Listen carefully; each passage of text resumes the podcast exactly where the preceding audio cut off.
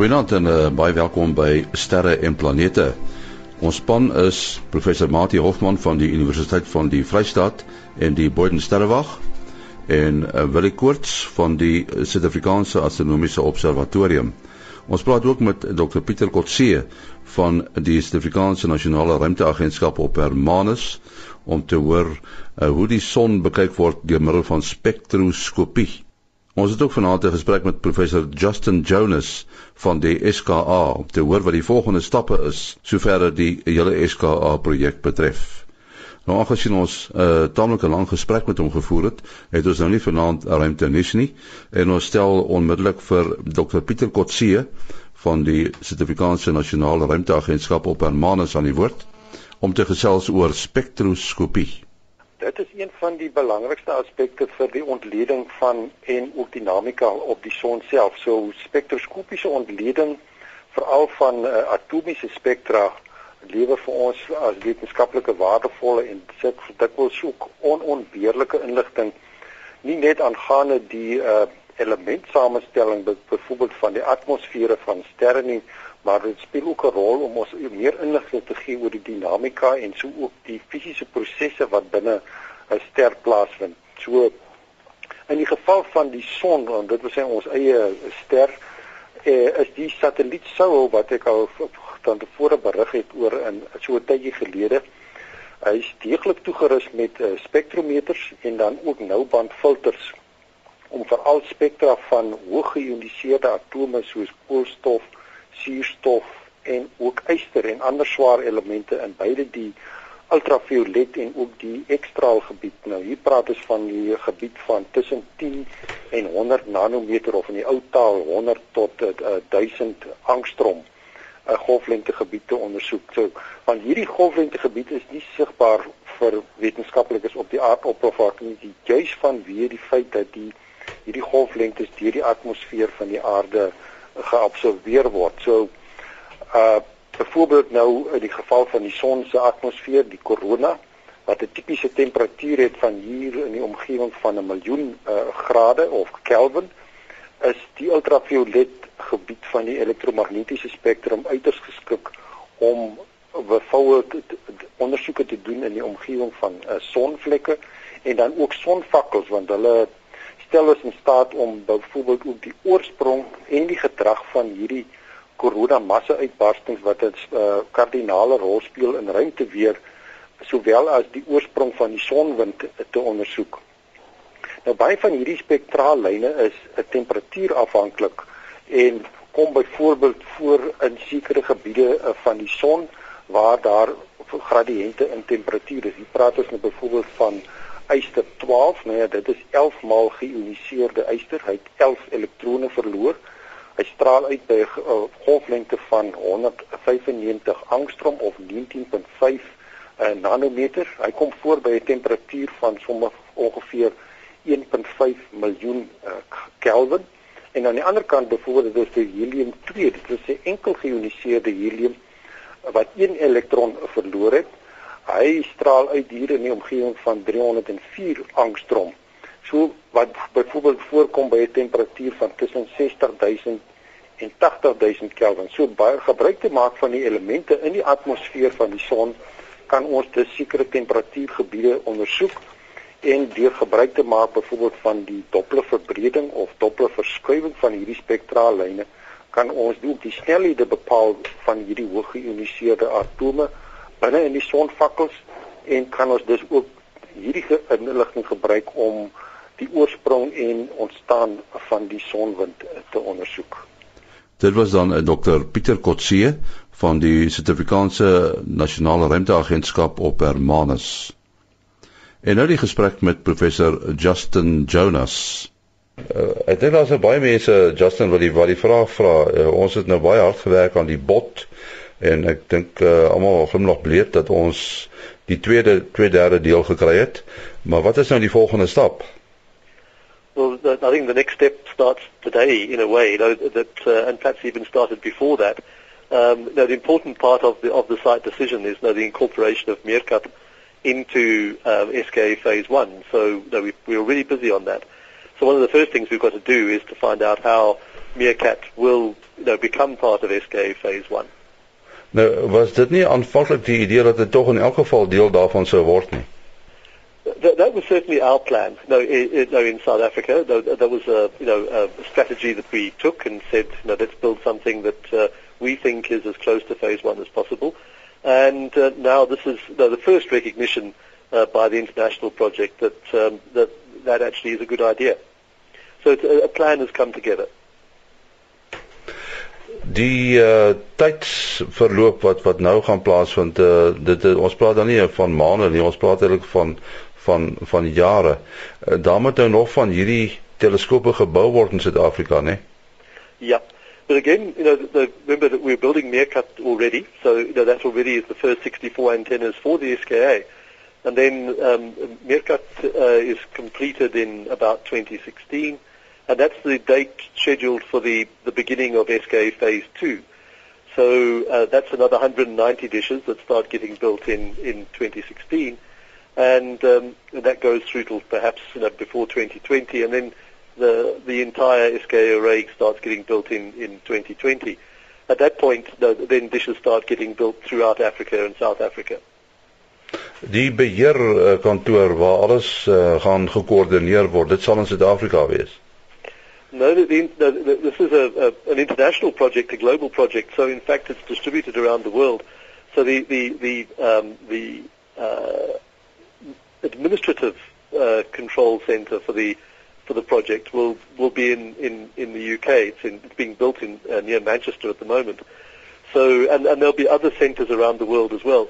The the actual um, technical control centre will be in Cape Town.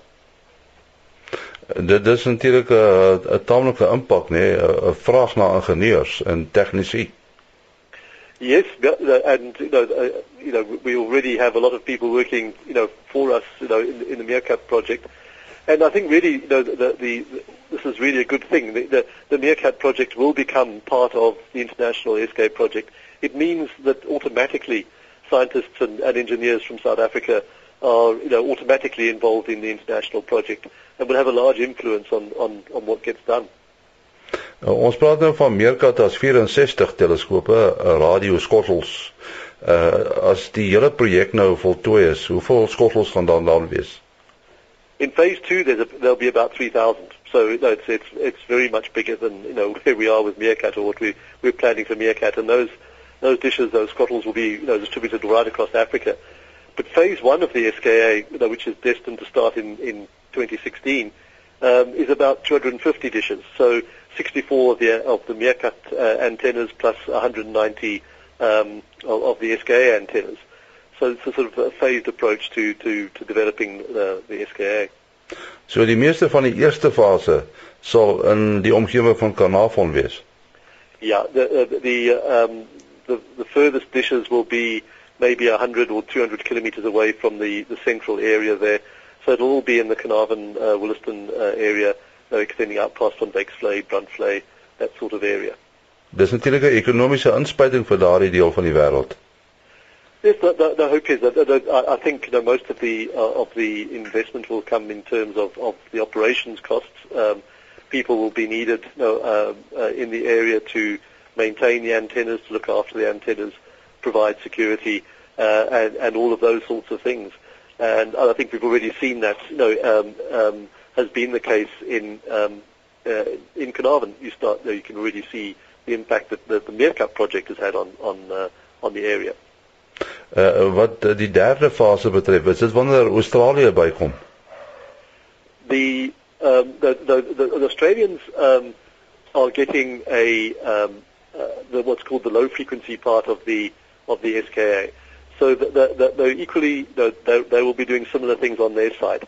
It's a completely different technology for the antennas, and so it happens in parallel. So it also has a first phase and a second phase. Maar uh, die uh, hele klomp uh, Australië en Afrika kan saamwerk. They they work together um, as an organization, but actually they don't uh, work together as a telescope. The Australian telescopes will work at lower frequencies. Um, and the um, the South African telescopes work at what we call the mid frequencies. So the, the Australian telescopes work basically in the FM band and some of the lower TV band, if you like, whereas um, the, the South African uh, telescopes will work in the microwave band. Nou, ons sê baie dankie aan uh, professor Justin Jonas van SKA. Ja, dit is al 'n reuse groot projek hierdie hierdie SKA projek. Dit is nou drie klein lettertjies SKA. Maar uh, ek dink daar lê nog baie werk voor uh, Mati. Uh, ek weet nie of ons aldag besef nie. Uh ja, uh en nie soos wat die meer inligting nou van ons eie uh SKA span kom en hulle nou meer inligting as wat mense nou net in die eerste media vrystellings gelees het, besef mense hoe groot dit regtig is. As ek nou maar net hier na een stukkie inligting kyk, uh ons weet nou dat die die die meerkat gaan deel wees van fase 1 uh in die medium frekwensies want daar's nou mos drie frekwensie uh bande uh waarin die, uh, die instrument gaan werk. Uh nou in die tot en met 2015, so die volgende 3 jaar gaan nou nog 'n konstruksiefase wees om die meerkat uit te brei en dan sal dan nou maar eers 10% van die totale instrument klaar wees. En dit is 'n gedagte, ons werk daarom nou al 'n hele rukkie lank aan uh aan die meerkat en sy voorloper kat uh 7 Uh so dit gee nou maar net 'n idee dat wat vir ons normaalweg as baie groot sou wees word as 10% van die totale instrument gereken. Ja, ek dink uh, so so ruk gelede, jy weet daai tyd met die uh die wêreldbeker, die sokker wêreldbeker, is dit almal gepraat oor die goudtrein, uh hoe hy gaan vorder. Was ook 'n 'n reuse projek, maar ek dink hy's maar redelik klein uh, as jy hom vergelyk met hierdie ene wat hy Uh ja, Henny, um, ek moet dan ook sê ek het op op op van hierdie DStv mega structures programme en goeders gesien waar ek uh besef het eintlik hoe hoe ons Suid-Afrikaanse kontrakteurs hoef ook dan nie terug te staan vir die ouens in die res van die wêreld nie om daai stadions klaar te gemaak het plus die uh um Moses Mabida uh um uh, uh ja ja die die die lughawe in in Natal ja uh, Shaka. en Shaka ja King Shaka. Ja. en en so dit is is 'n ongelooflike klomp konstruksie gewees en en die die die enigste probleem daar was die datum kon nie skuif nie. Die afleweringsdatum was vasgestel en daar was nie 'n kans dat hy kan skuif nie. Met sulke wetenskapprojekte kry jy gewoonlik dat jy so 'n bietjie oor tyd hardloop. Um Salt was nou wel, wel baie goed op tyd afgelewer maar toe dan nou 'n klompie klein probleempies en dan daai dit is mos eksponensieel die mense wat verstaan van wiskunde weet dat hierdie golf uh uh, uh, uh die die kurwe klim klim klim klim baie skerp hier na die einde toe om nou daai laaste 10% te kry vat vir jou dubbel die tyd as wat die eerste 90% gevat het. Uh ek wil net 'n bietjie gesels oor ons sterre en planete aand wat ons gehad het by die by die Garib Dam. Uh dit was my nogal een van die mooiste aande wat ons gehad het, maatie. Uh geen wolke. Dit was 'n uh, perfekte aand. Die die maan was nie eers daar om om om die mense te pla nie en uh ek dink almal het dit baie geniet. Ek weet nie van jou nie. Ja nee, ek het dit geniet daar langs die groot dam. Dis nou nog een van die groot mega projekte van die is dit nou die 60er jare toe daai dam gebou is en vandag het ons nog die voordeel die groot hemelruim bo ons en die groot dam en die die die pragtige oor daar in die Gariep Natuurreservaat. Is nou 'n juweel daar hè en 'n uh, mooi landskap en dan die die pragtige sterrehemel. Die vroeg aand kon ons na die maan kyk maar hy het redelik vroeg ondergegaan en toe is dit lekker donker. Uh en 'n uh, uh, lekker groep besoekers gewees en hulle het lank daar rondom die teleskope gekuier. En ons het sommer na baie voorwerpe kom kyk deur die teleskope. Wil ek hulle jou vasvra en nee, dis dis is so moeilik nie. ja, die, ek moet sê dit was my eerste ondervinding nou saam met julle was baie wonderlik geweest. Nee, soos Marie sê, 'n lekker groepie belangstellende mense, lekker uh en hulle het my hulle het my wel gepeper met die vrae daar so dit was eintlik baie lekker geweest om om uh, uh en soos mense ook sê, jy het nou al die stem gehoor om die gesig by te sit en en dis altyd dis altyd lekker om om om dit te doen. Mense het mos altyd 'n ander gestem en 'n ander gesig in jou in jou ja, in jou ja. verbeelding van uh, as jy uiteindelik die die die gesig daar sien. Ja, nee, lekker klompie belangstelling en en ehm um, mense het sommer tot tot laat aan dis by 11 uur se kant as ons ja. eers min of meer opgepak gewees en en le, lekker belang gestel. Ja, nee, dit was vir my 'n uh, uh, besonderse ondervinding. Ja, wat wat ook interessant was is daar was natuurlik nou baie mense van daardie omgewing weet uh, Betuli, alhoewel Noord, maar daar's enkele mense wat ver gereis het. Uh, ek weet van 'n persoon van die Parel af en van Port Elizabeth af, so selfs daar uit die uh, Walise wêreld uit die Boland uit. Ek wil net so 'n bietjie gesels oor asteroïdes. Uh, iemand het my nou die dag gevra dat eh uh, die instrumente wat hulle gebou het om asteroïdes op te spoor, sit feitelik almal in die noordelike halfrond. Nou wonder ek uh, wat die ouens laat besluit het dat eh uh, as 'n asteroïde kom dat hulle hom gaan sien in die noordelike halfrond. Wat van die suidelike halfrond wil hy? Uh ja, nee, ek het ook uh, 'n uh, rukkie terug dieselfde vraag vir my afgevra en soos jy sê wat wat mense ook vir jou vra en uh, toe ek uh, ergens op 'n webwerf afgekom aan 'n uh, groep ek dink hulle was verbonde aan NASA as ek dit uh, uh, mis het nie um, en toe nou uiteindelik ook besef dat 'n mens moet dink aan dat die goeters het natuurlik wentelbane So dit wil sê as jy mense dink aan 'n komeet, baie maal sien jy 'n komeet inkom in die in die sê maar hy word ontdek uit die noordelike halfrond uit. Uh uh so hy iemand het hom daai kant gesien en dan verdwyn hy half agter die son en dan dop hy hier by ons in die suidelike halfrond uit of andersom.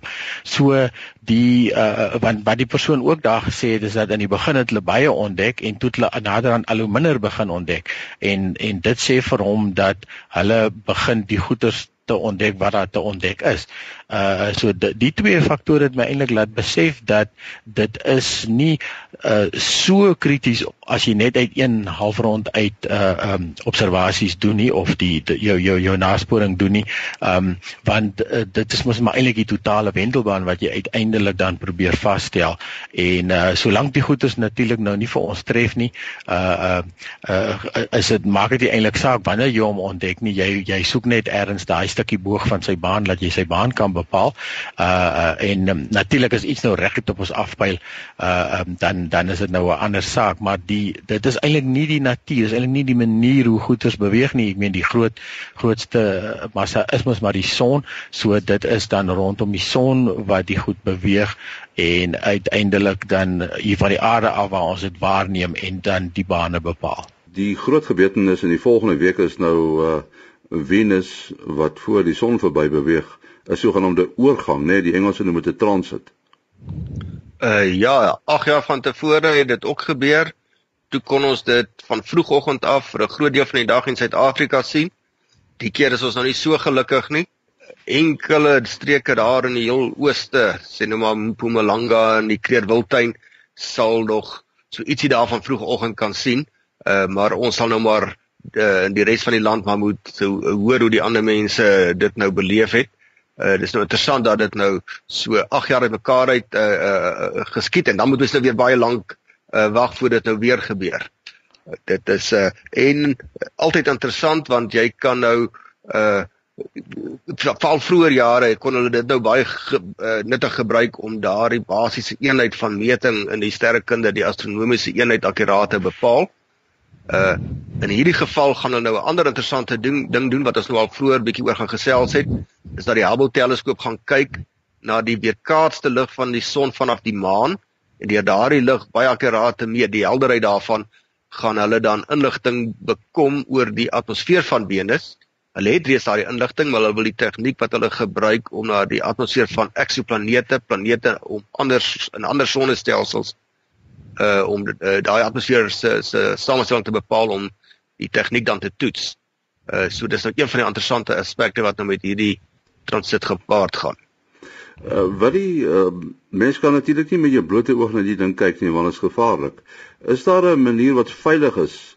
Uh sal 'n mens uh, die planeet kan sien voor die son uh, verby beweeg?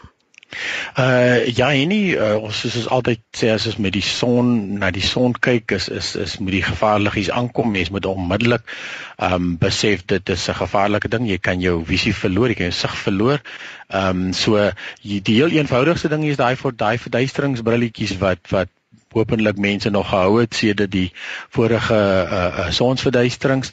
Ehm um, hulle is gewoonlik veilig want hulle is gesertifiseer. Dit is die regte die regte uh, hoeveelheid digtheid wat beteken die mens moet altyd onthou die skade aan jou oog word nie uh omdat jou retina nie regtig gevoel het nie vind die skade plaas sonder dat jy weet daarvan. So as jy en en die skade kom van ook plaas in die golflengtes wat jy nie kan sien nie. Dit wil sê infrarooi of ultraviolet. Veral in die infrarooi, dit wil sê hitte, jy brand letterlik jou retina. Nou mense wat al in 'n swysvlam gekyk het, daar's dit natuurlik ultraviolet wat 'n rol speel, uh die sogenaamde arc eyes. Uh, uh jy vind eers vanaand uit dan voel dit of daar regtig sand in jou oë is en jy uh, mense wat dit wat dit gehad, jy kry dit een keer in jou lewe arc eyes en dit is die eerste keer. Ehm um, so die uh, verduistering brilletjies is een manier. Ehm um, dan uh, kan mense ook uh, deur 'n uh, uh, uh, swysvlam uh, daai daai ehm um, uh, helm wat jy gebruik. Ehm um, jy moet seker maak eintlik dat dit nommer 14 'n uh, uh, uh, swys swysglas is. Uh hulle het sulke nommertjies op. Jy kry jy kry dink jy normaal as jy by die 12 rond. Ehm um, die as jy dit alles alles wat jy het ehm um, moet net nie staar nie. Kyk en kyk klaar. Kyk en, en kyk, jy weet so man, man dis oomblik as jy begin staar wanneer wanneer die skade begin begin plaasvind. Dan is daar ook natuurlik die die uh die die teesakkie houertjies, daai um uh 'n blink papier van die teesakkies. Um ek gaan hom nou nie aanbeveel nie want want dit is nou nie dit is gevaarlike goed, goed is nie getoets nie. Um as jy hom wil gebruik jou eie risiko, maar vat hom dubbel. Altyd dubbel uh uh, uh die twee op mekaar sit. Dit wil sê die die die die die die twee blankpapiertjies op mekaar en weer eens moenie staan nie kyk net kyk net vinnig dan is dit natuurlik maklike maniere uh, as jy 'n uh, verkyker of 'n of 'n teleskoop het um, weer eens baie baie versigtig moet nooit in sy oogste kykie jy gaan nou 'n beeld projekteer so as jy dan die verkyker byvoorbeeld se se breekant sy kant wat jy normaalweg na die veld toe wys na die son toe wys en die oogstuk wys jy grond toe na 'n stuk papier uh en jy en jy draai dan die oogstuk totdat jy totdat jy fokus die beste is amper om 'n karton voor te sit waar jy dan net een gat insny dat die een van die lense een van die van die kykers van die verkyker een van die twee uh uh um, buise dan deur die gat kyk en dan gooi jy 'n lekker skaduwee op jou papier en dan en dan kan jy die maar dit gaan eintlik so vinnig gebeur uh vir baie kort tydjie soos soos Mati gesê het mense in die in die verre oostelike gedeeltes van ons land gaan dit net met sonsopkom sien en dan gaan dit binnekort die, die einde wees van die oorgang. So dan ehm um, maar die oorgang die die Venus Venus se deeltjie self op die afgehets op die son is wel groot genoeg om deur dan met die nodige beskerming met die blote oog sigbaar te wees. Mate, hoekom is dit so belangrik uh, so so 'n oorgang? Uh ja, dit gaan hierso oor uh, uh, onder andere die tydsberekening, met ander woorde presies wanneer vind dit plaas en wanneer eindig dit wat dan 'n uh, uh, samehang met uh die grootte van Venus en die die presiese parameters van sy baan, presies waar hy op watter stadium? En dan die die uh grootte van daardie sirkeltjie voor die son hou dan weer verband met die afstande van die van die uh aarde na die son en die aarde na Venus. En as jy nou die die uh, waarnemings wat jy kan maak uh in die regte vergelykings gaan uh, uh ingooi, dan kan jy uh gaan kyk of jy die die die parameters wat nou al bepaal is nog meer akkuraat kan bepaal, weet soos tyd tye ontwikkel, kan mens al akkurater meet. Nou ek dink in hierdie geval is daardie parameters al met ander metodes baie akkuraat bepaal. So dit is dalk nie meer so belangrik uh, wat dit betref nie. Behalwe nou die Hubble koneksie wat ek nou nou van genoem het wat hulle goeie wetenskap gaan uh, probeer doen by 'n opvoed, opvoedkundige oogpunt. Vir die opleiding van studente is dit nou 'n baie lekker soort van aktiwiteit dat hulle hierdie tegnieke uh oefen en 'n goeie konsep uh, kry van hoe die dinge werk. Ja, dis interessant wat Martin nou gesê het. Histories is dit natuurlik belangrik geweest soos hy reeds genoem het die afstand na die son te bepaal. En interessant genoeg die persoon wat dit uitgedink het, die wiskunde daar agter uitgedink het, uh was Edmund Halley van Halley se komeet. En uh hy het agtergekom of die wiskunde dan bepaal dat as 'n mens net uit twee verskillende plekke op die wêreld so ver as moontlik uitmekaar uit waar dit uh, van beide plekke afsigbaar was net die tyd meet, net net die oomblik meet wat Venus op die son opbeweeg. Hy vat natuurlik 'n rukkie omdat dit 'n groter geballetjie is. So jy het die die waar die eerste keer raak kan jy maar sê wanneer hy vol op die son is en aan die aan die ander kant afgegaan het. Het hulle en dit is wat destyds al hierdie ekspedisies na Suid-Afrika toe was, daar natuurlik onder andere twee ekspedisies. Die Engelse het na Touwsrivier toe gegaan en hulle monteringspilare is nog steeds sigbaar daar in die in die binneplaas van van van die uh, die ou uh uh, uh Loganda ag eintlik ook Douglas Hotel nie die een langs die N1 nie dieper in die dorp in en dan by Wellington self en dit het ons in 2004 uh uh die pilare se posisie gaan uitmeet presies waar ons uh, Newcomb se verslag kry Newcomb was dan die Amerikaner wat in uh, Wellington uh, die ekspedisie die die um observasies kom doen het. Um maar soos Mati ook sê daar's intussen alle maniere eintlik selfs uh, teen 1882 kyk die vorige paar was 1874 en 1882 en in 1874 was dit nog 'n gesogte metode maar teen 2000 uh, teen 1882 het hulle al bepaal dat daar is eintlik ander metodes um, wat wat meer akkurater is. En natuurlik intussen is dit heeltemal met satellietobservasies uh heeltemal obsolet. Maar uh soos Martin nou sê interessante ander teorieë wat ons nou hier kan toets want intussen het ons eksoplanete ontdek en nou doen ons sommer 'n oorgangkie hierso en ons kyk as ons hom deur ver sien of hy of hy ook sal werk. ja, ons moet ongelukkig afsluit. Uh, wil jy terwyl jy praat jou besonderhede? Uh ja, mense kan my bel of SMS 0724579208. 0724579208. Mati 0836257154 0836257154 En as jy met my 'n verbinding wil tree, my uh e-pos besonderhede maas.henny@gmail.com maas.henny@gmail.com. Terloops as uh u wil weet presies wanneer hierdie Venus oorgang plaasvind, uh dit is Woensdagoggend 6 Junie, vroegoggend. Woensdagoggend 6 Junie vroeg in die oggend. Tot 'n volgende keer, alles van die beste en bly lekker.